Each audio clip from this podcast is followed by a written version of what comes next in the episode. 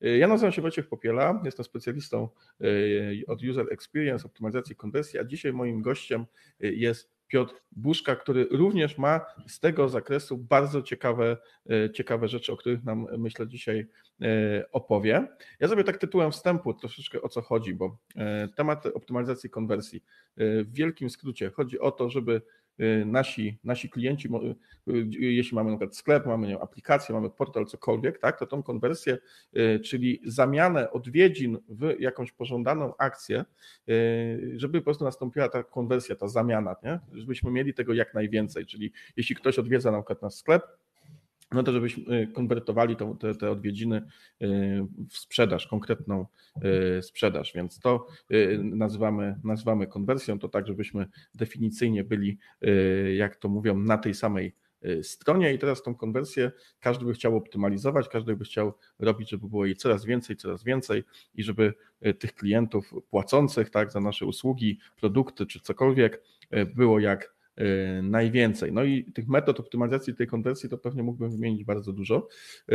Y, moją specjalnością jest optymalizacja konwersji metodami badawczymi, czyli my się spotykamy z ludźmi, my badamy zachowania, badamy historie zakupowe, poznajemy użytkowników, spotykając się z nimi po prostu y, na spotkaniach jeden, jeden do jeden i rozmaite badania z nimi wykonując.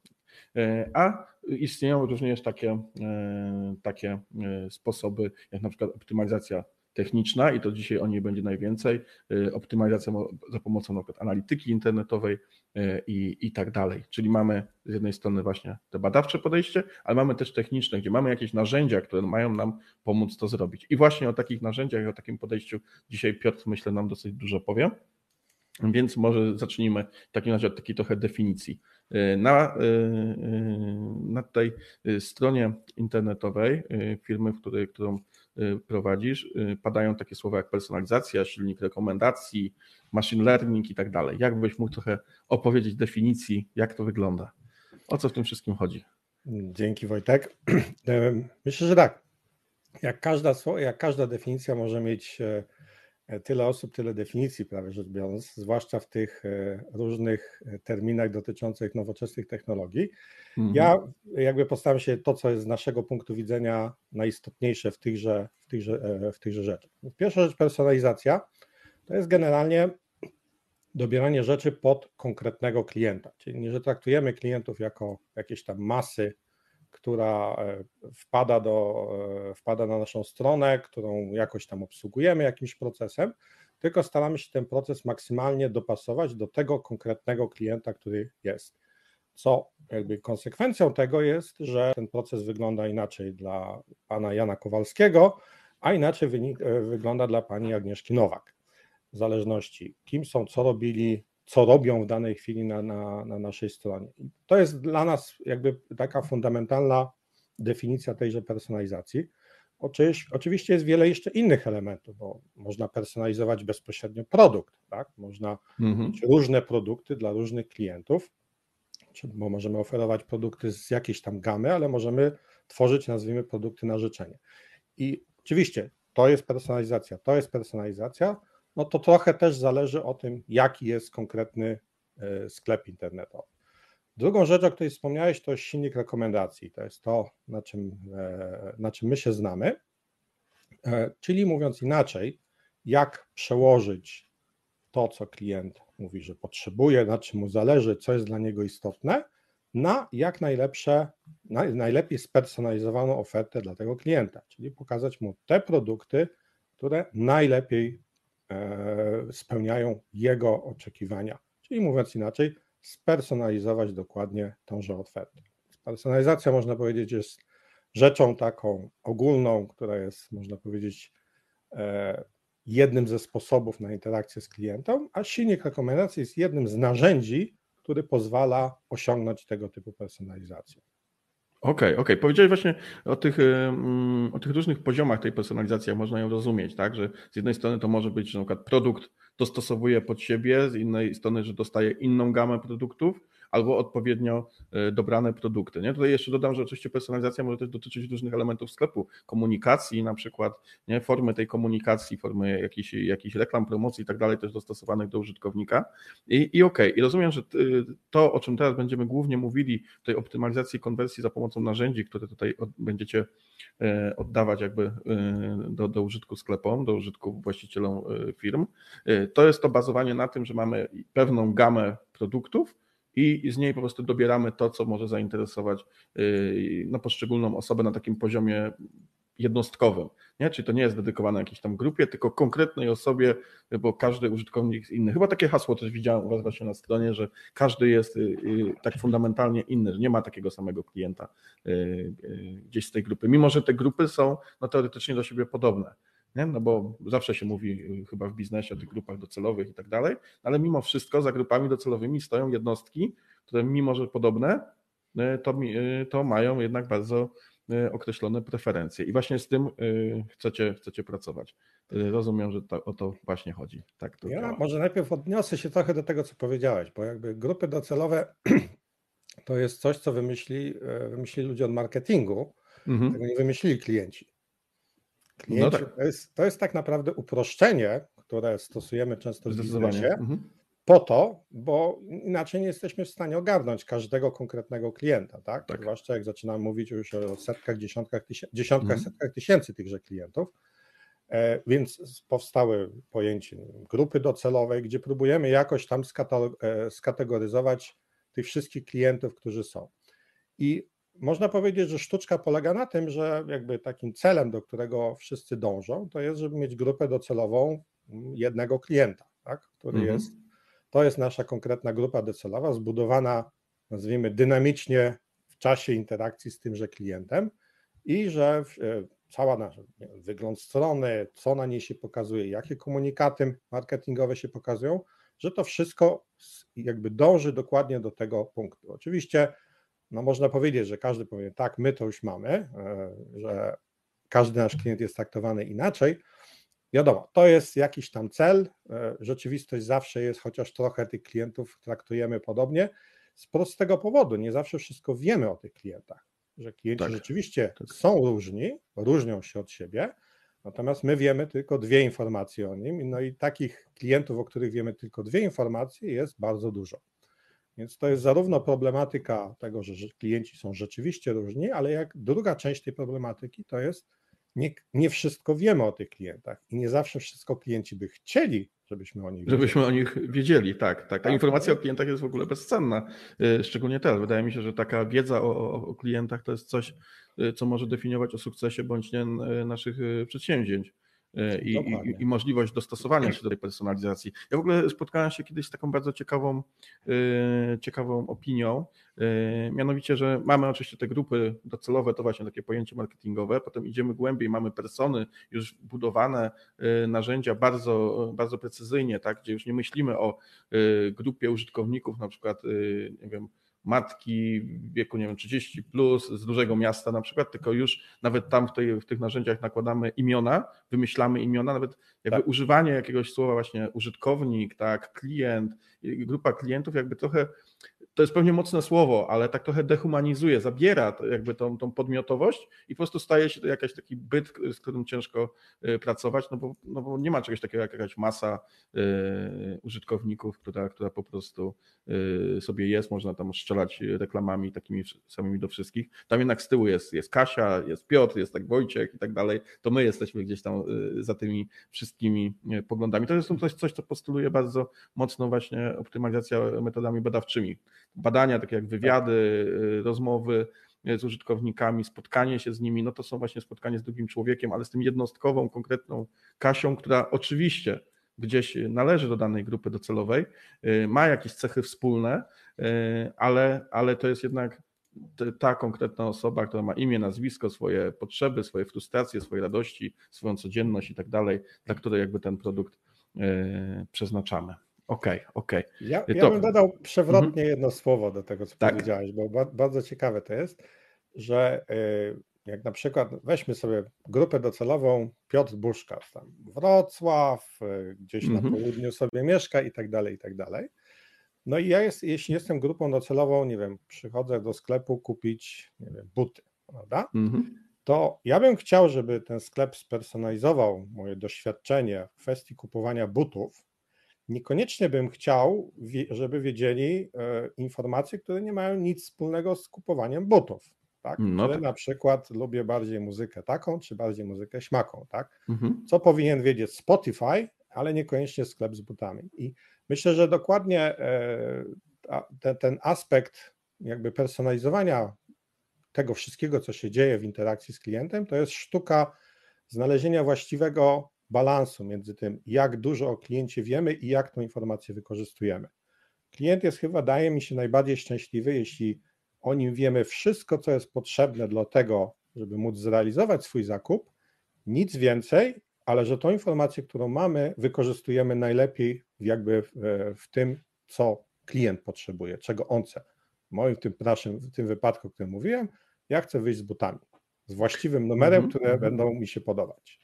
Tu jest chyba bardzo cienka granica, którą bardzo łatwo można przekraczać yy, w tym pozyskiwaniu tej informacji, tak, tak swoją drogą. Jakby trochę taka na marginesie dygresja, ale yy, tak mi się wydaje, że yy, jakby taki pęd, żeby pozyskiwać dużą ilość danych, żeby móc właśnie coś personalizować, czy jakoś dostosowywać do tych użytkowników, jest w wielu firmach, może być nawet trochę za duży i łatwo przekroczyć pewne, pewne granice, jeśli chodzi o pozyskiwanie tych danych. Zresztą no stąd chyba się wzięły też te wszystkie ochrony, ochrony danych, RODO, tak dalej, z tym jest to wszystko związane z analityką internetową, żeby chronić tą prywatność i tak dalej. I, i nawet chyba nawet jestem przekonany, nawet nie chyba, że wiele, wiele osób nie wie, jak dużo po pierwsze firmy o nim wiedzą, wszelkiego rodzaju zbieracze danych y, technologiczne, y, jak i nie wiedzą, jak cenne są te informacje. Y, taką, taką mam perspektywę co do tego. No myślę, że mm. to otworzyłeś potencjalnie wielką puszkę Pandory na zupełnie Zdecydowanie. dyskusję. Tak, to by można było godzinami ja. o tym opowiadać, ale może wróćmy do, właśnie do tego, co... Ale ja bym tylko polecił wszystkim zrobić mhm. sobie ćwiczenie, zobaczyć ile jest cookiesów na waszej przeglądarce, bo to jest bardzo dobry to jest bardzo dobrze, jakby pokazuje, ile tych informacji jest zbieranych mm -hmm. przez, e, przez różne miejsca w internecie. Ale to takie ćwiczenie zupełnie na marginesie. Tak, tak. Można się na pewno zdziwić, co, co oni o nas, e, o nas wiedzą. Myślę, że muzyka i preferencje co do butów to jest najmniejsza z tych rzeczy. E, okej, okay, ale wróćmy, wróćmy tutaj do, do, do naszych tematów. Okej, okay. my chcemy, chcemy wiedzieć tyle, ile potrzeba. No i właśnie, no i teraz jak, jakie są metody techniczne, które, e, o których mógłbyś nam opowiedzieć? Bo jakby na stronie internetowej FiCompass, czyli tutaj e, e, rozwiązania, które, z którym pracujesz, jest dużo właśnie takich jest, jest trochę skrótów, jest trochę takich mocnych pojęć, tak? Tam pada sztuczna inteligencja, pada machine learning i tak dalej. To są mocne słowa, one tak elektryzują na pewno, jak się o tym czyta, nie? Że to, to jest coś, Y, bardzo nowoczesnego, bardzo skomplikowanego i tak dalej, ale z czym tak naprawdę to się wiąże? Jak to wygląda w praktyce? E, sztuczna inteligencja jest jakby, no w tej chwili zdecydowanie jest, jest, jest klasycznym buzzwordem, który funkcjonuje, mm -hmm. funkcjonuje na rynku i no niestety trochę prawda jest taka, że wszyscy muszą stosować, e, bo inaczej e, w pewnym sensie jest się poza rynkiem. Natomiast mm -hmm. jak mhm. się zastanowić, czym jest sztuczna inteligencja, to jest zamienianie jakichś danych w jakieś informacje, które są, nazwijmy, nie wynikają tak bezpośrednio z tych danych. Tak? Mhm. I teraz te informacje można zbierać na mnóstwo różnych sposobów. E, takim bym powiedział rzeczą, która jest powszechnie wykorzystywana, no to jest zbieramy informacje, nie wiem, w Google Analytics, tak? Na mhm. jakich stronach e, klienci byli, co tam kliknęli, ile czasu minęło i tak dalej. Czyli bardzo dużo takiej informacji, która każda z osobna, no nie można jej wykorzystać. Tak? No co z tego, że ja wlazłem na stronę produktu jakiegoś tam, mhm. E, to pojedynczo ta informacja nie ma większego znaczenia. W sensie nie da się jej wykorzystać. Jak te informacje już mamy trochę więcej, to można zaobserwować wiem, jakieś, jakieś wzorce zachowań, można zaobserwować jakieś rzeczy, które są podobne między Piotrem Buszką, a jakimś tam Janem Kowalskim, który no, podobnie się na tej stronie zachowywał. Więc można przypuszczać, że to, co zrobił Piotr Buszka, będzie w jakiś sensie powielone przez Jana Kowalskiego. I de facto sztuczna inteligencja to jest dokładnie to.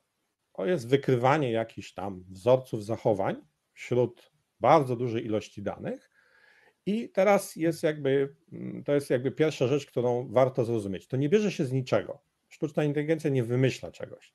Sztuczna inteligencja, jakkolwiek jest zrobiona, zamienia historię, którą mamy, jakąś dużą ilość informacji, na jakąś inną informację działania, która pozwala nam działać, która jest, mówiąc prosto, użyteczna, która ma jakieś e, znaczenie. I teraz, e, dlaczego ja o tym mówię w ogóle? Bo mm, jak nie ma tej informacji na wejściu, albo ona jest błędna, albo jest jej za mało, albo jest, e, ma jakieś skrzywienie, że jest, są wszystkie informacje na temat Piotrów, ale z jakiegoś powodu były wszystkie informacje na temat Adamów wykreślone, bo był błąd w programie. I teraz to, co wychodzi, zależy dokładnie od tych danych, od tego, co mamy na wejściu. I to jest rzecz, którą ja zawsze, jak rozmawiam na temat sztucznej inteligencji, zawsze jak najbardziej podkreślam. Bo dopiero jak sobie zdajemy sprawę, że to nie jest coś, co powstaje, nie wiem, z powietrza przysłowiowo, nie jest coś, co powstaje, e, wymyśla się samo. Nie, to jest po prostu obserwujemy historię i na tej podstawie wymyślamy sobie jakieś nowe rzeczy. I w pewnym sensie to jest nic nowego. To jest mhm. rzeczy, które są robione od lat 60. w praktyce. To, co się zmieniło, to jest ile potrafimy tych danych zebrać, jak szybko je przetworzyć i jak dużo tych danych może być. Natomiast fundamentalnie to jest dokładnie to samo. Oczywiście lepsze algorytmy, szybsze komputery i tak dalej, i tak dalej, i tak dalej. Ale finalnie zawsze to zależy od jednej rzeczy. Jakie mamy na, na wejściu? Jak mamy fajne dane, gdzie jest dużo informacji, która nie jest przekłamana, która jest bieżąca, nie jest sprzed 10 lat, tylko mhm. sprzed dwóch tygodni, to wyniki są coraz lepsze. Więc każdy system, który korzysta ze sztucznej inteligencji, ja go zawsze oceniam tylko z jednej perspektywy. Jakie ma dane, jak one są aktualnie, bo to jest to, co tak naprawdę na końcu największe ma znaczenie. Wszystkie inne rzeczy, ok, są istotne, muszą działać i tak dalej, ale wynik zależy od tego. No i teraz wiadomo, jak ktoś jest Googlem, no to każdy z nas może, myślę, że nawet większość z nas nie jest w stanie sobie wyobrazić, jak dużo oni tej informacji mają. Mhm. W związku z tym mogą robić rzeczy, które wy, wy, jakby graniczą z magią na Google Mapsach, Translate i tak dalej, i tak dalej. Natomiast nawet, e, nawet Google ma ograniczenia wynikające z tego, że takie systemy zawsze działają w jakiejś tam zamkniętej. Google Maps jest dobry w wybieraniu drogi z punktu A do punktu B. Google Translate jest dobry z wybierania, z tłumaczeniem z języka A na język B. Jak ktoś zna jakiś bardziej egzotyczny język, to zobaczy, że to tłumaczenie z egzotycznego języka nie jest tej samej jakości, co między, nie wiem, francuskim i angielskim, prawda?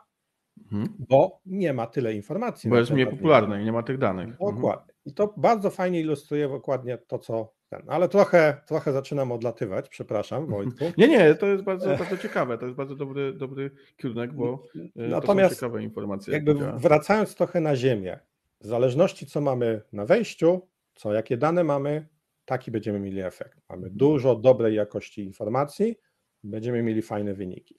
Mamy mało albo kiepskiej jakości, albo z dużą ilością błędów, szumu i tak dalej, wynik będzie zupełnie innego rodzaju.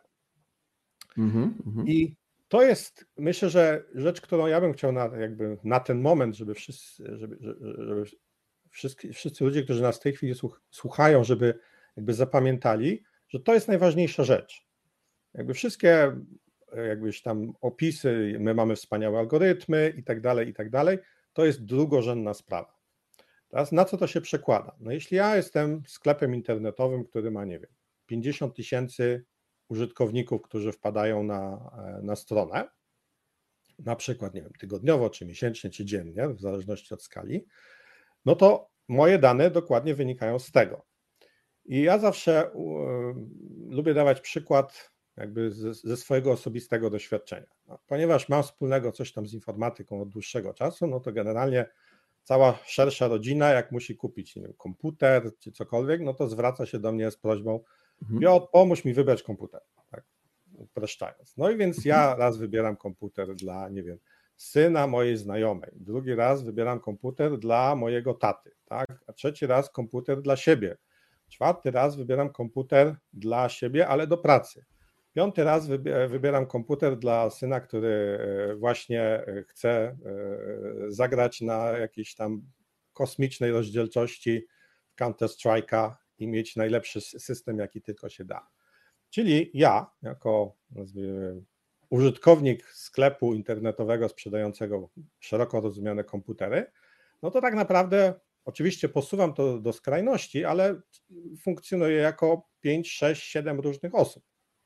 Raz przychodzę w takiej roli, raz przychodzę mhm. w takiej roli. No i teraz jak ten sklep internetowy będzie próbował coś zrobić z, z moją skromną osobą, no to co zrobi? No prawdopodobnie weźmie to, co robiłem ostatnim razem, jako rzecz, no Piotr tutaj szuka komputerów, które mają super karty graficzne. No ale być może ja w tej chwili szukałem komputera dla swojej mamy, który głównie powinien mieć zupełnie inną charakterystykę, taką, że e, włącza się go jednym guzikiem i nic więcej nie trzeba robić, prawda? Mhm. I to jest dokładnie to, co ilustruje jakość danych, tak? No, dużo mam tych danych, sklep dużo ma o mnie informacji, ale tak naprawdę, ponieważ ta informacja jest przemieszana, raz dotyczy mnie w takiej roli, raz w takiej roli, raz w takiej roli, to ta informacja wcale nie jest tak wysokiej jakości. I często w tej sytuacji to, co by mi sklep powiedział, tu jest najnowsza karta graficzna, tak naprawdę jest zupełnie chybione. Bo ja najpierw muszę walczyć z tym systemem, żeby. Nie, nie, ale ja nie szukam teraz karty graficznej, ja nie szukam teraz najnowszego, najnowszej karty graficznej, bo, bo mój komputer właśnie, komputer dla syna już jest kupiony, mhm. tylko szukam zupełnie co innego. I teraz, dlaczego o tym wszystkim mówię? Pierwsza klasa informacji to są te, które nazwijmy są zbierane bez mojej świadomości. Mhm. Chodzę sobie tam po kategorii, karty graficzne, laptopy, czy jeszcze coś innego i tak naprawdę system się uczy na podstawie tej informacji, która jest, jakby wpada do niego trochę niejawnie. To nie jest tak, że ja powiedziałem, że szukam tego, tylko system próbuje sobie jakoś tam wykoncypować na podstawie tego, co ja robię na tej stronie, jak długo jestem na niej, jak często klikam w rzeczy i tak dalej, i tak dalej. No i siłą rzeczy ta informacja zawiera w sobie ileś niepewności. I ta niepewność może być w, tym przypadku, który podałem, dosyć skrajnym, bardzo duża. W innym przypadku może być bardzo prosta, na przykład e, bardzo mała, bo na przykład klient przychodzi drugi raz po dokładnie ten sam towar. Tak? Nie, mhm. Jest klientka, która kupuje kosmetyki i raz w miesiącu musi uzupełnić, e, uzupełnić zapas swoich kosmetyków i po prostu poproszę jeszcze raz to samo. Tak? Albo przykład, żeby już tam zostać przy swojej osobie, ja mniej więcej co dwa tygodnie wysyłam zamówienie do e, tutaj kryptoreklama, Młyn Ciechanowiec, wspaniałe mąki na zakup mąki do pieczenia chleba. Tak? I e, Młyn Ciechanowiec jakby przewidywał moje zachowanie, jest, jest w stanie, jestem przewidywalny w 100%. Czyli jego dane, te, które zebrał sobie, tak nazwijmy, implicit, są bardzo poprawne. Czyli znów mamy skalę. No i wiadomo, jak to jest. Są klienci tacy, są klienci tacy, są klienci tacy ale widać, że te informacje, które zbieramy implicit, one nie są dokładne. W związku z tym wyniki, rzeczy, które buduję na podstawie tej informacji, również są niedokładne. Natomiast jest druga sytuacja, że możemy o niektóre rzeczy zapytać explicit, tak? Jakiego Piotrze szukasz komputera? Tak? Czy szukasz komputera dla nie nauczyciela, czy mhm. szukasz komputera do gier, czy szukasz komputera do pracy i tak dalej, i tak dalej gdzie mówiąc prost, ja mogę powiedzieć swoimi słowami, ja szukam tego. Druga ważna rzecz, że mogę wtedy powiedzieć rzeczy, które, no, te pytania, które się tam pojawią, będą, nazwijmy, istotne z punktu widzenia procesu wybierania komputera. Prawda? I to są dwie rzeczy, które, e, które z sobą w pewnym sensie konkurują. I e, to jest pierwszy moment, kiedy trzeba się właśnie zastanowić, czy mój biznes jest bardziej podobny do sytuacji takiej, że ta informacja implicit jest super, bardzo dokładna i tak dalej, czy mój biznes jest dokładnie odwrotnie, że tak naprawdę ta informacja jest prawie że bezużyteczna. No bo można sobie wyobrazić jedną i drugą skrajność bez żadnego problemu. I oceniając sztuczną inteligencję, machine learning, wszystkie te wspaniałe skróty, trzeba pamiętać tak naprawdę, że to jest tylko tak mądre jak dane, które mu podajemy nigdy nie jest mądrzejsze. Jest taki cytat profesor Przegalińskiej, który, który mi się bardzo podoba, że jakby sztuczna inteligencja jest opóźniona do życia. Życie się dzieje tu i teraz. Ja dzisiaj kupuję ten komputer, a sztuczna inteligencja jest na, na mnie i innych mi osobach podobnych sprzed tygodnia, czy tam sprzed dwóch. A bazuje na historii po prostu. Na, bazuje na historii, albo co gorsze, jest sprzed sześciu miesięcy. Okay. I, I to jest rzecz, o której, która jest znacznie bardziej istotna z punktu widzenia tego, jakie będzie doświadczenie moje jako klienta w interakcji z, z, z e-commerce'em, który stosuje różne technologie. Okej, okay, okej. Okay. Dużo zostało powiedziane, bardzo ciekawych rzeczy. Ja sobie robiłem w trakcie y, kilka, kilka notatek. Y, bardzo mnie zainteresował ten fragment na temat właśnie tych danych, nie? że kiedy, że ta niepewność zaczyna tam rosnąć, nie? No, kiedy te dane ilościowe, które mówią, co się dzieje, ale y, jakby badawczym podejściu też jest to, że y, bazowanie tylko na, na, na, na analityce ilościowej jest bardzo ograniczone, ponieważ nigdy się nie dowiadujemy, dlaczego coś się dzieje. I to jest tak. między innymi taka sytuacja, nie? ktoś przychodzi tak. y, i, i są jakieś tam dane, ileś razy coś już tam kupił i nagle kupuje coś zupełnie y, nieprzewidywalnego i, i okazuje się, że właśnie komputer z mocną kartą, ale drugi raz przychodzi i nagle to jest jakiś komputer bardzo podstawowy do pracy biurowej na przykład i nie wiadomo, dlaczego to się dzieje i, i na podstawie tego bardzo wiele rozwiązań jest budowanych. Jest, jest dużo chyba takich postulatów, że właśnie analityka internetowa, zbierać dużą ilość danych o milionach interakcji i tak dalej, i wtedy z tego będzie coś, coś e, dobrego i takiego e, pewnego. E, stąd też ja na przykład pracuję właśnie głównie z danymi jakościowymi, czyli dużo mniejsza grupa, ale też innego rodzaju dane, które mówią właśnie o, o, o tym, dlaczego pewne rzeczy się dzieją, o te rzeczy, których takie, takie dane po prostu nie zbierają. Więc to był bardzo, bardzo fajny cytat. Powiedziałeś w pewnym momencie takim, że, że ta sztuczna inteligencja i tak dalej może być zrobiona w różny sposób. Y, mógłbyś troszeczkę rozwinąć tą myśl, w sensie zrobiona, masz na myśli właśnie, nie wiem, jakość, zaawansowanie technologiczne, jak, co, co rozumiesz pod tym pojęciem? Ja jakby myślę, że czasy dyskutowania na temat, nie wiem, że jeden algorytm jest lepszy od drugiego, to są mhm. czasy sprzed 10-15 lat tak naprawdę, kiedy to wszystko, nazwijmy, startowało. Dzisiaj to nie ma znaczenia. Dzisiaj są po prostu gotowe mhm. zbudowanie modelu, który rozpoznaje, e, który rozpoznaje tam cyfry i tak dalej, to jest standardowe ćwiczenie studenta na mhm. E, pierwszym roku informatyki, więc to nie jest istotne, te algorytmy i tak dalej, bo narzędzia są, one działają, różnią się już w tej chwili, bym powiedział, na tam drugim albo trzecim miejscu po przecinku. Więc te różne sposoby budowania tak naprawdę dotyczą dokładnie tego, skąd pozyskujemy informację, okay. jakie jest ona jakości i co z nią robimy. Czyli można powiedzieć, co wchodzi i zdefiniowanie, co ma wyjść. No to jest równie ważne. Nie wystarczy zbierać danych, tak? Samo zbieranie danych nic nam nie daje. Daje nam no stosy danych, które są tam zalegają. I Z tymi tak nie wiadomo co zrobić. To jest bardzo popularna w ogóle sytuacja chyba w firmach. Tak, Mamy dużo danych, często... dużo punktów styku i nie, i nie wiadomo, co z nimi robić. I nie wiadomo, co z nimi robić, dokładnie. Więc jakby bez stwierdzenia, po co ja mam te dane, czyli co chcę osiągnąć, jaki cel biznesowy, jaki e, jakby tak naprawdę, co chcę zmienić w tym, co się dzieje z klientem, tym, co się dzieje w moich wewnętrznych procesach, no to, to trochę znów nie działa najczęściej to się okazuje, że zbieramy nie te dane, co trzeba, mhm. albo że mamy, potrzebowaliśmy danych tych, co mieliśmy dwa lata temu, ale teraz ich już nie mamy, bo, nie, bo się okazało, że no wtedy nie wiedzieliśmy, że je musimy zbierać, prawda?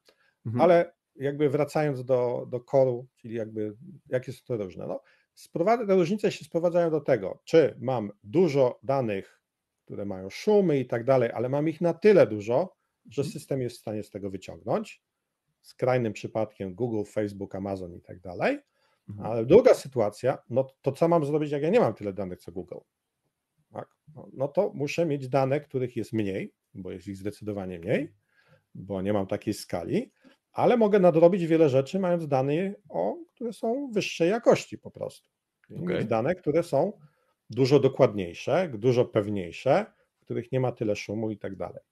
I teraz e, jakby nasz w ogóle pomysł na biznes się wziął dokładnie z tego, że jest można mieć właśnie mnóstwo danych, które służą do pewnej rzeczy, natomiast jest pewna kategoria, jakby cała klasa informacji, której tak naprawdę nie wykorzystuje się w większości biznesów. To są dane, jeśli mamy, nie wiem, e-commerce, to są dane, które są w głowie człowieka, który zna te produkty, tak, mhm. tak, który je rozumie, który zjadł zęby na tym, żeby wiedzieć, jak, do, jak polecić sprzedawcy, ludzie w call center, jakkolwiek. Ludzie, którzy pracują bezpośrednio z tymi produktami i z klientami, mają styk z klientami, czy to bezpośredni, czy pośredni, ale mówiąc inaczej, są w stanie, mają tą wiedzę, która jest wysokiej jakości, której nie ma bardzo wolumenowo bardzo dużo, tak? ale jest wysokiej jakości i to też może być bardzo dobre źródło danych dla wszelakiej maści sztucznej inteligencji, analityki, jakkolwiek to nazwiemy. To, to jest tylko, e, że tak powiem, buzzwordy technologiczne, nieistotne, ale możemy zamienić te dane wyższej jakości w efekty, które chcemy. Czyli na przykład wyciągnąć tą wiedzę od tych ludzi, którzy się na tym znają, mhm. temat klientów i produktów, zapakować ją na jakiś tam system i teraz wykorzystywać tą wiedzę, żeby tych klientów obsługiwać najwyższej, e, z jakością porównywalną do takiego sprzedawcy, który ma pełną wiedzę i tak dalej, i tak dalej. I to jest ogólna idea, przy której myśmy jakby rozpoczęli swoją przygodę i myślenie na temat tego, co robimy. A jakby bierze, wzięło się to z prostej rzeczy. E, takiej mojej bardzo prawie że osobistej frustracji, jak się wchodzi na, jest mnóstwo teraz systemów, które tam podpowiadają, klienci tacy jak ty kupili. Mhm. Tak? I jest tam zestaw pięciu produktów. No i tak generalnie, jak ja sobie robię e, taki test podstawowy, no to tak jak się zdarzy jeden na dziesięć, który ma jakiś sens z mojego punktu widzenia personalnego, to jest dobrze. Czyli to jest, z mojej perspektywy, to jest taki, taki spam, który sklep mi wrzuca, e, który mi nie pomaga tak naprawdę rozwiązać mojego problemu. Ja przyszedłem znaleźć komputer taki, albo buty takie, albo cokolwiek innego. No i zastanowiliśmy się, dlaczego tak jest. No, i, no jest dlatego, no bo nie zawsze sklepy mają wystarczającą ilość danych i e, nie zawsze są w stanie tak naprawdę e, zareagować właściwie mają dane, które są z przeszłości. Wchodzą nowe produkty, pojawiają się nowe e, telewizory, mają nowe systemy, komputery mają nowe generacje procesorów i tak dalej, i tak dalej. No i zanim te systemy w 100% się na nowo nauczą, no to czas mija. No, jak to powiedziałem, są, jak, jak cytat pani profesor, systemy są opóźnione do życia, no bo mm. życie już poszło do przodu, a systemy jeszcze się nie, e, jeszcze się nie nauczyły, nazwijmy. I, i ten taki, to opóźnienie ono może być e, małe, ale może być też spokojnie liczone w miesiącach, by nie powiedzieć nawet czasami w latach. To już oczywiście rzadkie przypadki, ale może się tak również zdarzyć. W branży, którą kiedyś się zajmowałem, to spokojnie można było liczyć w latach, ryzyko mhm. kredytowe i tak dalej. No i to jest jakby kwintesencja tego, że musimy mieć dane albo ich wystarczająco dużo, żeby mieć dobry wynik, albo musi mieć jej wystarczającej jakości, albo jakiś kompromis pomiędzy jednym i drugim. I my tak naprawdę w dużej mierze pozycjonujemy się, że my uzupełniamy tego typu systemy, które tam automatycznie sobie coś tam liczą na podstawie tego, gdzie klient był i tak dalej, bo to jest na przykład bardzo fajny system do, mm, nie wiem, kupię E, kupuję krem, to jeszcze do tego, nie wiem, jakąś tam szpatułkę e, dokupię, która jest potrzebna, nie wiem, do nakładania tego kremu. Oczywiście teraz wymyślam, fachowcem od, jasne, od, jasne. od branży Wiadomo nie jestem, o co chodzi. Ale to na przykład są rzeczy, które bardzo dobrze działają, bo Mhm. każdy człowiek, który powiedzmy kupuje taki krem, powinien sobie kupić taką szpatułkę, żeby móc sensownie ten krem i nie zawsze o tym pamięta. A tutaj system mu przypomni i klient się czuje wtedy doceniony, tak? o, jakbym nie kupił, to bym musiał jeszcze raz zapłacić za paczkę, albo bym musiał kombinować i używać patyczka do lodów i tak dalej, i tak dalej. Więc to jak, każdy, jak każda rzecz, jak jest dopasowana do zadania, to spełnia swoją rolę. Ale nie znaczy, że każde zadanie zostanie zrealizowane przez system, który ma w słowie AI albo ma w słowie e, machine learning albo jeszcze cokolwiek mhm. innego. Tylko po prostu musi być właściwie dobrane narzędzie do problemu. I nam się wydaje, że pewien, jest pewna klasa problemu pod tytułem wybór produktu, gdzie klient mówi, czego tak naprawdę chce, na czym mu zależy, jako, taki, jako klasa, gdzie można bardzo fajnie połączyć wiedzę człowieka i wiedzę, którą wykorzystuje się maszynę do tego, żeby tą wiedzę zaaplikować, zastosować bezpośrednio. Zgadza się. No bo e, tak, no to co podałeś ten przykład właśnie z tym, z tym patyczkiem do nakładania tego kremu i tak dalej, czy na przykład, nie wiem, w obuwiu e, czasem są jakieś tam impregnaty do tego obuwia, no takie różne rzeczy, takie komplementarne e, produkty, no to one jakby trochę nie wymagają tutaj, jak to nie jest jakiś rocket science, to zazwyczaj ktoś układa tak. w jakimś sklepie, łączy jedno z drugim, to jest oczywiste, że to jest komplementarne, no i większość ludzi no pewnie rozważy, żeby to kupić, no bo kupuje nowe buty, no to chce je zaimpregnować, więc to jest dosyć proste. Ale teraz e, rozwiązanie, o, o, o którym mówimy, czyli właśnie związane z personalizacją taką technologiczną, właśnie z tym AI, machine learning, jak zwał, tak zwał, e, czyli z technologią, którą tutaj proponujecie,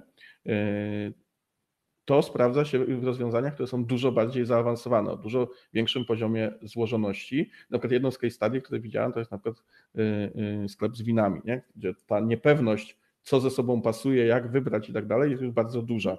I tutaj y, rozumiem, że y, to, to rozwiązanie technologiczne ma w pewien sposób zastąpić człowieka, który by y, te informacje od tego klienta powziął, zapytał, doradził i, i, i przeprowadził go przez proces zakupu. I tutaj zastępujemy to tą wiedzą, którą czerpie jakby z tych danych nasze, nasze rozwiązanie. Czy, czy ja tutaj dobrze rozumiem, żebyśmy tak trochę podsumowali też słuchaczom? Mhm. E, jakby żeby powiedzieć, ja niestety mam czasami tendencję do komplikowania, więc spróbuję zostać na, e, żeby mi się udało w prosty sposób powiedzieć. Kwintesencja jest tego, jeśli chcemy, jak mamy sklep z winami, no to idealnie by było mieć e, świetnych, 30 świetnych onologów. Onolog to jest człowiek, który się zna na winie, który rozmawia z tym klientem, doradzi, czy to mhm. Cabernet Sauvignon, czy tutaj bardziej Rieslinga, czy, czy, czy jakieś primitivo włoskie, doradzenie jakiegoś idealnego wina dla tego człowieka, związane z gustem, jakie danie chce i tak dalej, i tak dalej, prawda? No, mhm. ale takich 30 ludzi by kosztowało majątek. No tak, Więc ceny by były w tym sklepie bardzo wysokie. Ceny by były kosmiczne. Albo usługa by była dodatkowo płatna, nie każdy by się decydował i no i wtedy mamy inny biznes model, mamy człowieka, płacimy tak. za doradztwo i tak dalej. Tak, tak, tak. No ale no, chciałoby się mieć jednak jest człowiek, który prowadzi sklep z winami z dużym prawdopodobieństwem, zna się na tych winach i chciałbym mu powiedzieć, ok, to ja, ja nauczę cię, drogi systemie, jak dobierać wino. Może nie będziesz tak dobry jak ja, ja jestem w 100% dobrych, a ty będziesz w 90 paru procentach dobrych, ale to i tak jest dużo lepiej niż jak klient jest zostawiony przed całą, e, całym regałem win, gdzie tak naprawdę trochę nie wie, co wybrać, mówiąc prosto. Tak, tak. To jest mój problem w sklepach z winami, nie? Bo, bo jakby cały, cały, no dość długo y, gdzieś tam tymi winami y, staram się zainteresować i tak dalej. Za każdym razem jest jakiś taki problem.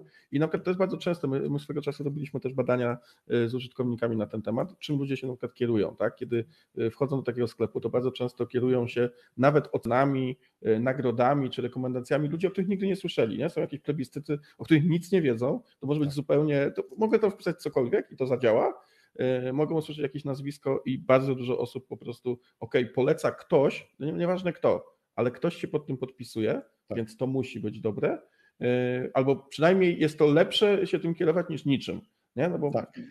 Ja myślę, że to jest, to jest kluczowe to, co powiedziałeś, że jakby ten oczywiście przypadek win jest dosyć taki specyficzny, ale jak, tak naprawdę jak każdy przypadek, ale tutaj jest ilość klientów, którzy bardzo chętnie by chciało kupić wino, ale no, boi się, że dobierze źle wino.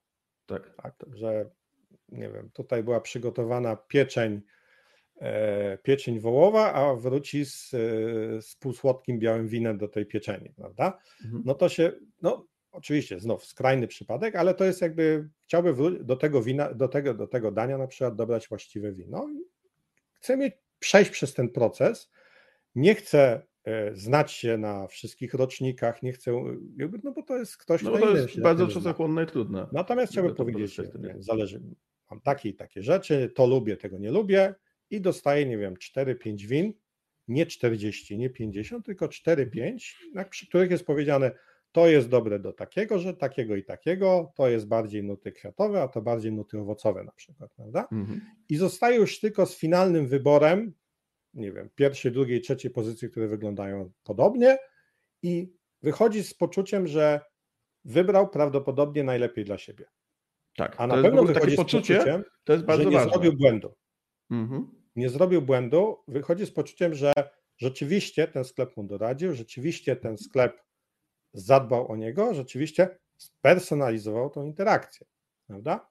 Mhm. I teraz wyobraźmy sobie tego samego klienta, który powiedzmy do tego sklepu trafiają ludzie z jakiejś tam e, z jakiejś kampanii marketingowej, którzy się kupują wino y, i efektywnie kupują wino, dlatego że ono jest na pierwszej pozycji się wyświetla, bo akurat tak wyszło w bazie mhm. danych i mhm. wtedy ludzie częściej kupują to. No to ale to wino wcale nie musi być optymalne z punktu widzenia tego klienta, ale system się już nauczy tego. No to rzeczywiście taki system typowy, który tylko patrzy na te interakcje klienta, nie pytając go, czego on tak naprawdę szuka, nauczy się, że to pierwsze wino jest najlepsze i błąd zostanie powielony. No bo system się nauczył, że pierwsze wino jest najlepsze. I to jest, to jest ten kompromis właśnie między jakością danych na wejściu, które są podane tak. explicit, pieczeń wołowa versus klienci, którzy chodzili mniej więcej tak samo, kupili to wino. Jeden miał pieczeń wołowa, a drugi miał tutaj kaczkę, do której tak samo wino się nie będzie nadawać, prawda? Mhm. I to jest kwintesencja, którą ja zawsze próbuję przekazać w mniej lub bardziej udany sposób, że zawsze to jest jakiś tam kompromis między tym, czy system się sam nauczy wszystkiego, no, nauczy się tego, co, co, co, co zobaczy, nazwijmy. No, fajny, skrajny przypadek, jak Microsoft wypuścił e, chatbota, którego ludzie zaczęli karmić, że tak powiem, treścią niekoniecznie taką samą, jak e, e, jakby chcieli. No i system się nauczył dokładnie tego i zaczął zachowywać się tak, że musieli wyłączyć szybko tego chatbota. I, I wydaje mi się, że właśnie dobór produktów to jest jedno z tych zastosowań, gdzie takie podejście nie zawsze jest skuteczne. Są miejsca, gdzie jest skuteczne, ale jest dużo, bardzo duża przestrzeń, gdzie można zrobić coś dużo, dużo lepiej, jak ma się dostęp do wiedzy takiej merytorycznej. No ale jak ktoś się zajmuje sprzedażą win, powinien mieć pojęcie na temat win. No tak. Jak ktoś się sprzeda- zajmuje sprzedażą komputerów, powinien mieć pojęcie na, na temat sprzedaży komputerów. I jak tą wiedzę przekaże do systemu, to jest w stanie, ten system jest w stanie wykorzystać i nie potrzebuje 30 ludzi do tego, żeby obsłużyć klientów, tylko system sobie, sobie radzi, a człowiek się skupia na, a tutaj to ja bym jednak zrobił tak trochę ten system nie do końca odpowiada tak, jakbym chciał, to tutaj sobie zrobię małą modyfikację i tak dalej, i tak dalej, i tak dalej.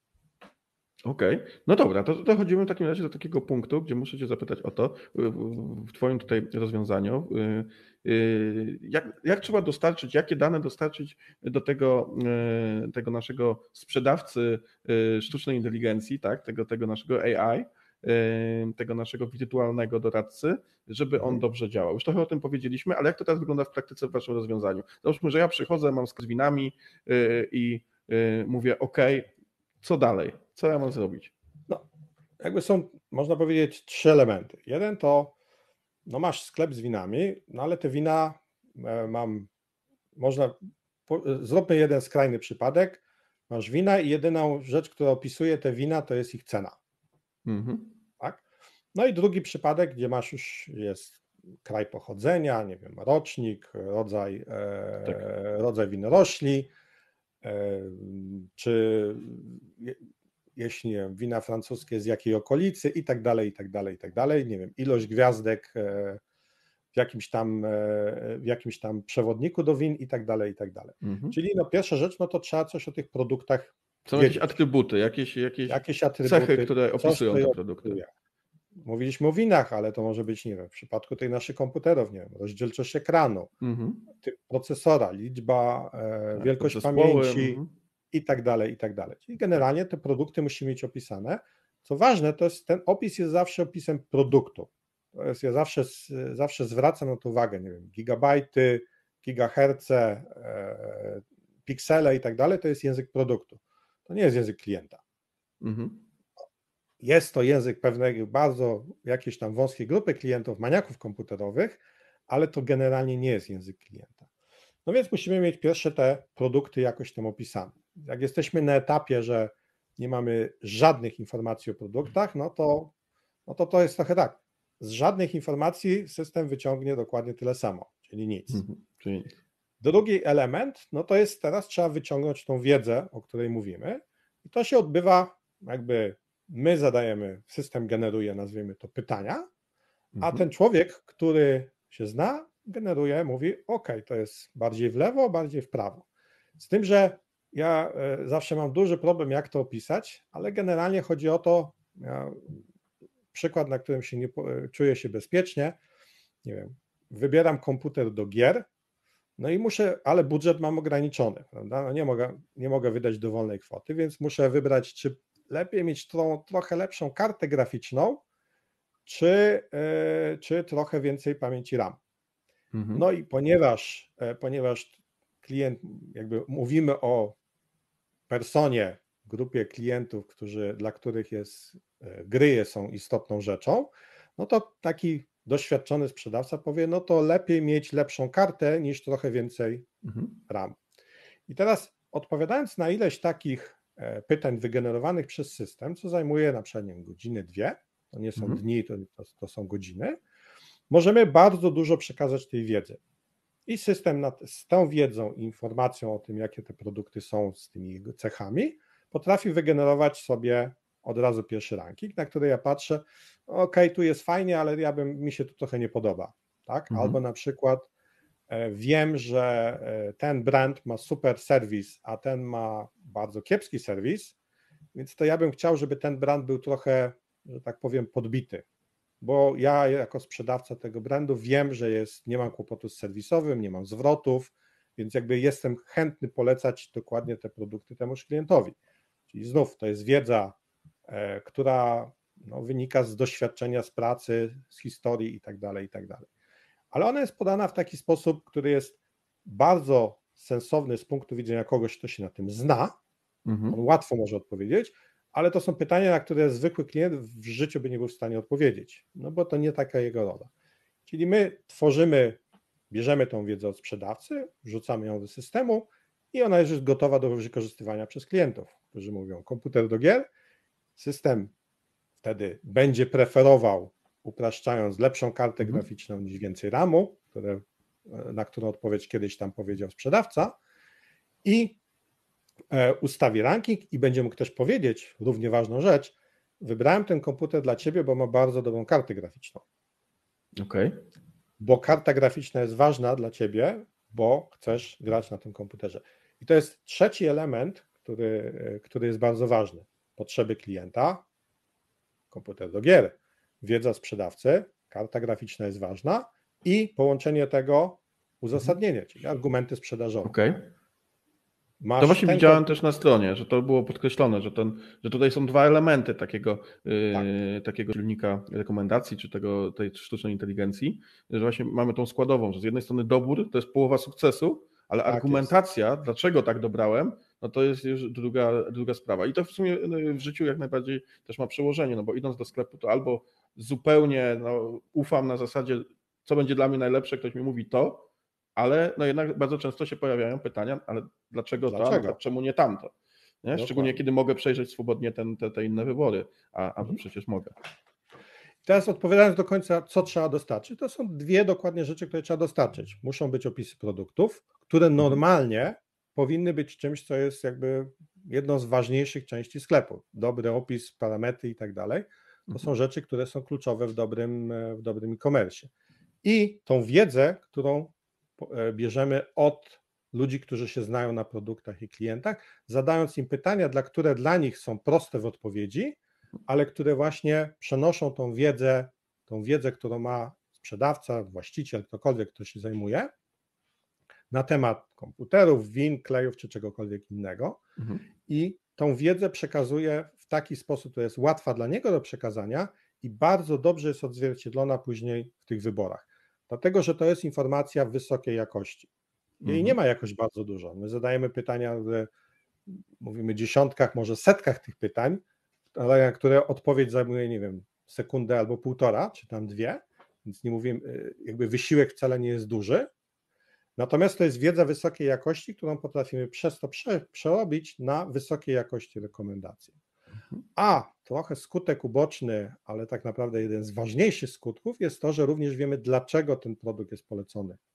Potrafimy przejść od potrzeb klienta do polecenia produktu i uzasadnienia tego wyboru, które wynika dokładnie z wiedzy tego, tego człowieka, który zarządza sklepem, zarządza ten.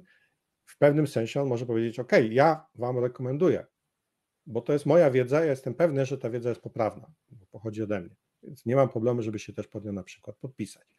Oczywiście to wszystko zależy od konkretnego use case'u, e, jak to się dzieje i tak dalej, ale właśnie to, że potrafimy przenieść tą wiedzę wysokiej jakości w wysokiej jakości rekomendacje i uzasadnienie tych rekomendacji to jest to, co nas odróżnia od systemów, gdzie mamy mnóstwo danych niskiej mhm. jakości, które są z błędami i tak dalej, i które nie są w wolumenach Google'a. Ja to podkreślam, że no tak, to nie jest to nie tak, jest... że to jest zła metoda. Nie. to nie jest zła metoda, to jest często bardzo dobra metoda, pod warunkiem, że mamy do dyspozycji wystarczającą ilość danych. Natomiast nie zawsze mamy wystarczającą ilość danych i wtedy trzeba mieć podejść inaczej. Trzeba, mówiąc prosto, zmienić narzędzie. Okay, uzupełnić, okay. zastosować w innym kontekście i tak dalej, i tak dalej.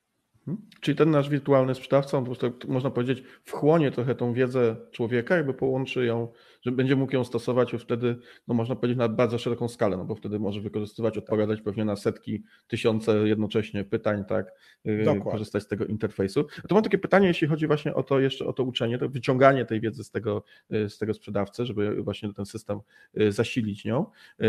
Jak wygląda właśnie ten proces tej, tej, tej nauki? Bo wiadomo, że są zadawane pytania i tak dalej, ale rozumiem, że tutaj następuje następuje wdrożenie, takie jak, jak opisujecie na stronie, które mhm. przy, przygotowują specjaliści i, i jakby te, te, pytania i tak dalej, to też są pod okiem wdrożeniowców. Dobrze rozumiem, że to tak właśnie Jak działa. najbardziej. Bo, ponieważ my e, mhm. nie próbujemy powiedzieć, że to jest tak, że naciska się guzik i wszystko samo działa natychmiast, no tak.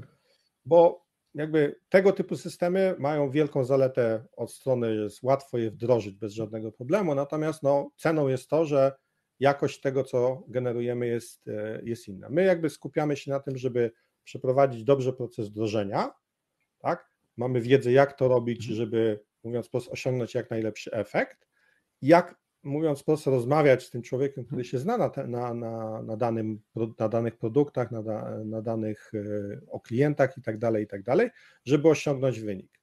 I e, bardzo też chętnie właśnie współpracujemy z ludźmi, którzy mają wiedzę, którą nazwijmy komplementarną. Tak? No, mhm. no, myślę, że jeden z powodów, dla którego tak e, cieszę się, że dzisiaj możemy porozmawiać, jest to, że wy macie dokładnie wiedzę komplementarną. Wy potraficie zadać pytania, kim jest klient, potraficie e, odpowiedzieć na to pytanie klient, na czym mu zależy.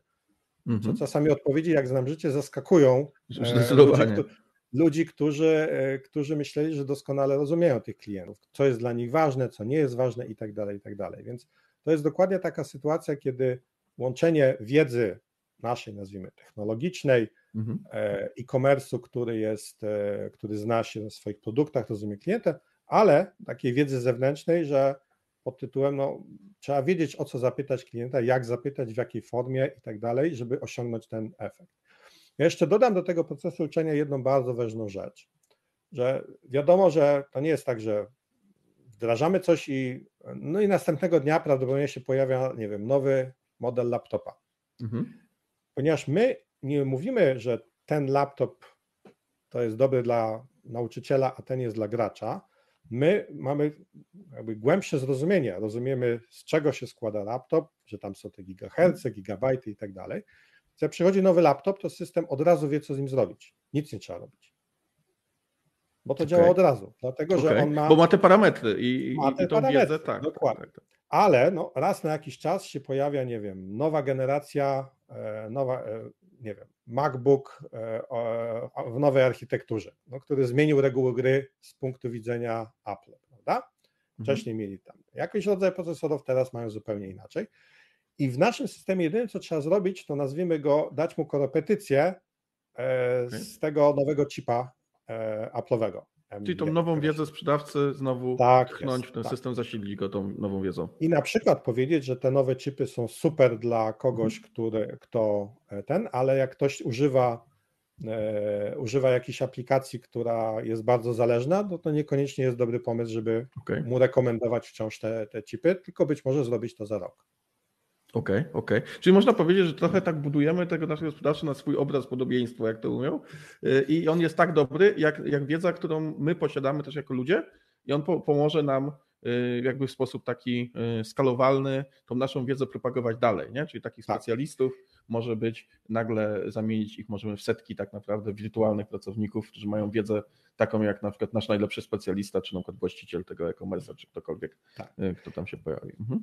Co równie ciekawe jest, jakby, ponieważ mamy bardzo dużo informacji o klientach, które są bardzo jakby takie skoncentrowane na tym, co jest istotne z naszego ten. Wiemy, przyszło do nas tysiąc klientów, w tym tysiącu było 37, dla których było to ważne, 28, dla których było to ważne.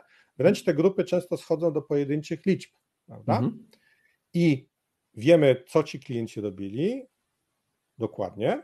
Wiemy, co kupili na końcu albo czego nie kupili. tak? Czyli na przykład możemy zobaczyć, że klienci z pewną charakterystyką wychodzą dużo częściej z naszego sklepu z pustymi rękami. Mhm. Być może nie mamy właściwej oferty dla nich. I okay. w następnym etapie można dokładnie zastosować siłę analityki dodatkowej, machine mhm. learningu i tak dalej, żeby zacząć odpowiadać na pytania, o których wcześniej nawet nie ważyliśmy się zadawać. Mhm. Czy taki klienci, którzy y, dostali rekomendację, mimo wszystko z niej nie korzystają i szukamy teraz, y, szukamy mamy jasną informację dlaczego, tak? A z drugiej strony inni klienci bardzo fajnie jakby się e, mhm. konwertują, prawda? No to możemy zadać, czy mamy dobrą ofertę. No mamy, ojej, okazuje się, że odstajemy od konkurencji w, tej, w mhm. tymże konkretnym segmencie, bo nie mamy jakichś tam najnowszych maszyn Apple'a, które się sprzedają jak świeże bułeczki do tej grupy, e, do tej grupy klientów możemy zacząć patrzeć, jacy ci klienci faktycznie przychodzą. Po co przychodzą do naszej, naszego sklepu ci klienci? No wiemy, przyszedł, bo szukał komputera do gier. miał mhm. budżet 5000 i takich klientów było 12%, ale klientów, y, klientów, którzy szukali komputera do pracy było 2%. No to mhm. znaczy, że widocznie my potrafimy ściągnąć do, nasze, do naszego sklepu klientów, którzy szukają komputera do gier dużo łatwiej niż komputera do pracy.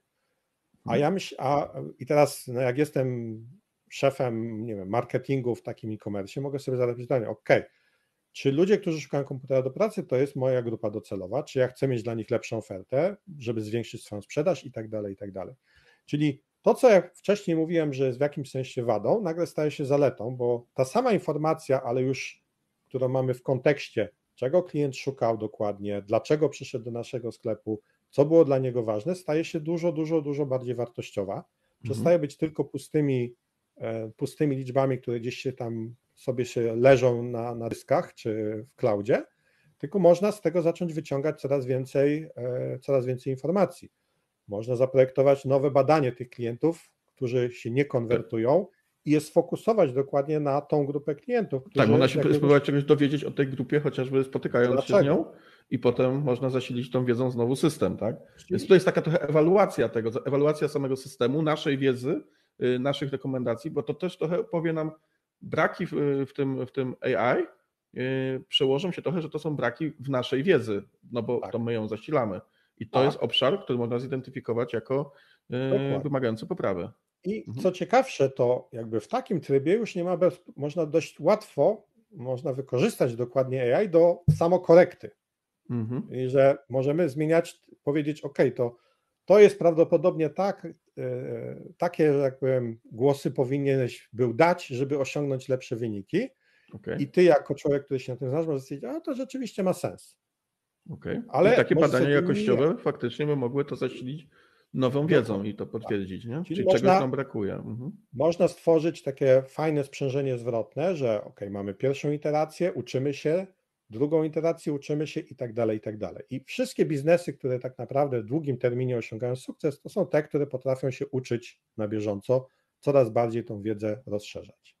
Mhm. Czy można też powiedzieć, że tak, y, y, y, jest takie popularne zawsze stwierdzenie, że nie, roboty zabierają pracę, tak tutaj jest właśnie na odwrót, jest synergia umysłu człowieka, który wykonuje tą pracę, którą no, to jest specyficzna dla, dla człowieka, tą wiedzę, żeby móc ją zasilić system, a system daje też pewną informację zwrotną co do obszarów, do, do, do nauki dla człowieka. No i mamy iteracyjne uczenie się, weryfikację i ponowne wprowadzanie tych danych. Ja, ja myślę, że to jest bardzo fajne stwierdzenie na koniec, bo jak wcześniej było mówione, że robot, jakby, jakby sztuczna inteligencja zabierze pracę ludziom, się okazuje, że mhm. tak naprawdę nawet największe firmy, łącznie z Googlem, jak kiedyś słuchałem fajnego podcastu szefa anality, e, e, machine learningu Google'a, który powiedział coś takiego, że e, największą zaletą, jaką może mieć, to są rzeczy związane z tym, jak zwiększyć umiejętności ludzi przez danie im odpowiednich narzędzi.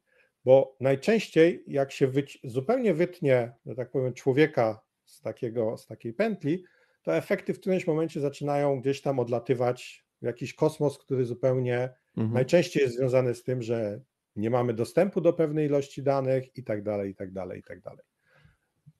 Okej, okay, okej, okay, rozumiem.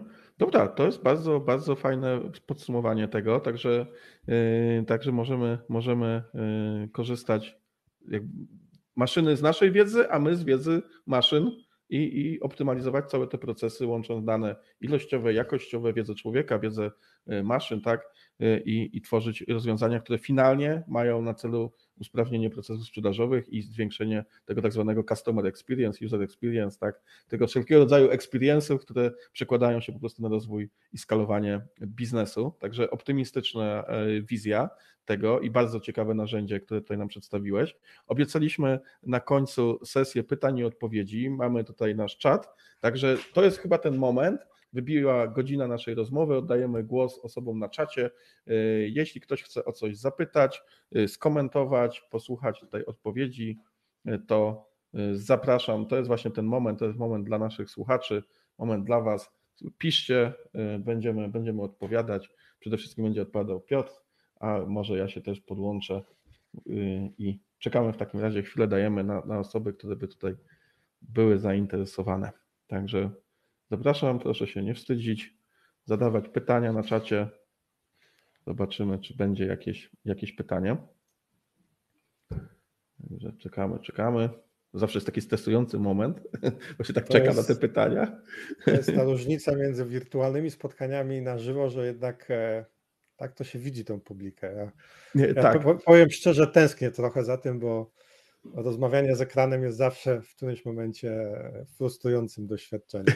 tak, tak, zdecydowanie. To jest taki moment, gdzie, gdzie jest właśnie, e, brakuje, brakuje tego, e, tego kontaktu. Nawet dla fana technologii takiego jak ja. Tak, zdecydowanie, nie? To nawet, nawet wtedy nie jest, e, nie jest wcale takie wygodne, takie miłe.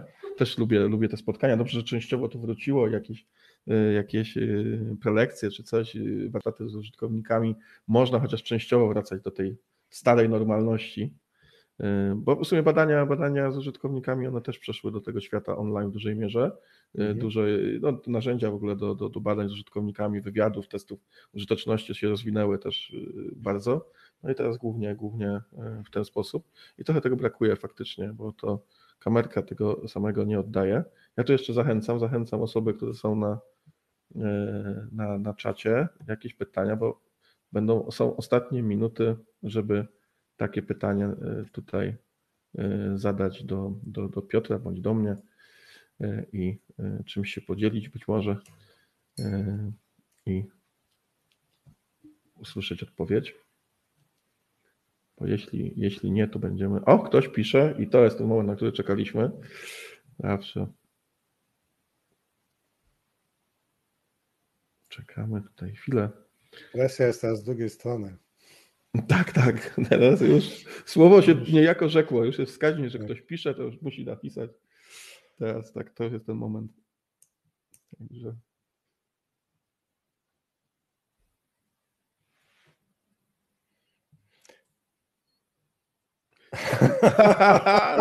Ale teraz przytrzymał. Przytrzymała, bo to Kamila napisała, że nie ma pytania, ale chciała podziękować za ciekawy webinar. E, ok, jeśli nie ma pytań, to ja mhm. również e, dołączam jeszcze raz do podziękowań. Piotrze, bardzo Ci dziękuję za Twoją wiedzę, za przedstawienie e, tego wszystkiego. Wszystkich wszystkie osoby, które są zainteresowane y, tematem optymalizacji sprzedaży, czy to metodami badawczymi, czy metodami technologicznymi, zapraszam do kontaktu ze mną bądź, bądź z Piotrem do skorzystania y, tutaj z tych rozwiązań. Ten film, ten webinar będzie też dostępny na YouTubie, także w opisie tego filmiku na pewno pojawią się właśnie linki do, do Fikompas i gdzie będzie można zobaczyć też ofertę właśnie takiego internetowego wirtualnego sprzedawcy. Będzie można Y, zobaczyć, jak to działa i y, skontaktować się w celu oferty, bo temat jest naprawdę bardzo, bardzo interesujący, no i jakby w duchu tego, żeby optymalizować, personalizować y, i, i jakby indywidualnie podchodzić do, do klienta, no to to są właśnie tego rodzaju metody techniczne, które są no na wyciągnięcie ręki i mam nadzieję, że będą się coraz bardziej popularyzować. To może jak nie ma pytania, to ja zupełnie e, ostatnie pytanie. Czy konkurencja duża na rynku jest, jeśli chodzi o tego typu rozwiązania? To rośnie? Jak, no, no jakby, jakbym powiedział, że nie ma konkurencji, to jest zawsze to jest rzecz, której należy się wystrzegać. Oczywiście jest konkurencja. Jest zarówno konkurencja jakby innego podejścia, na przykład mhm. właśnie typ, e, typowe produkty, nie wiem, Quanticonu, czy Google'a nawet, e, czy Adobe dotyczące, mhm. związane właśnie z, e, z, z automatycznymi rekomendacjami bazującymi na tym, co robi klient. Jest też konkurencja, która bardziej jest w kierunku tworzenia takich, nazwijmy, nie wiem, drabinek wyboru, mhm. ładnych, z ładnymi obrazkami i tak dalej. Znaczy, ja się bardzo cieszę, że jest konkurencja, bo konkurencja jest bardzo zdrową rzeczą. No tak. I ona, i ja uważam, że to oznacza jedną rzecz, że to jest kierunek, którym mhm. idzie cała branża. I te sklepy, które pójdą w tym kierunku, no to jakby rozwiną się, zajmą nowe nisze rynkowe, wygryzą swoją konkurencję. Te, które w którymś momencie stwierdzą, no, ale to jeszcze nie jest aż takie ważne, a przynajmniej mhm. tak mi się wydaje, to za jakiś czas się nagle okaże, że mają przestarzałą, przestarzały, przestarzały sposób podejścia do klienta i ci klienci zaczną powoli odchodzić. No tak, tak. I to się dzieje tak naprawdę mm, wielokrotnie. To jakby, e, tu niestety zdradzę trochę swój wiek, ale jak e, w latach 90., e, mm, jak robiliśmy kredyt przez internet, pierwszy w kraju wtedy, mhm. no to wszyscy się śmiali, no ale przecież z tego nikt nie będzie korzystał. Mhm. W tej chwili ob, finanse, że tak powiem, przez internet to jest coś, co w zasadzie nikt sobie nie wyobraża, jak można pójść jeszcze do placówki, prawda? No tak, teraz można było powiedzieć, nie, przecież fizycznie kto, kto weźmie y, kredyt, bo w drugą I, stronę to się...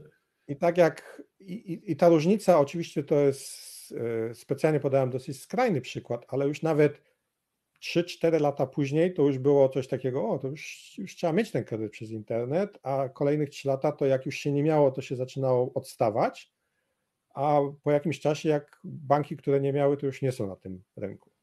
No tak. I myślę, że to jest dokładnie podobny, personalizacja jest dokładnie podobnym trendem. tak.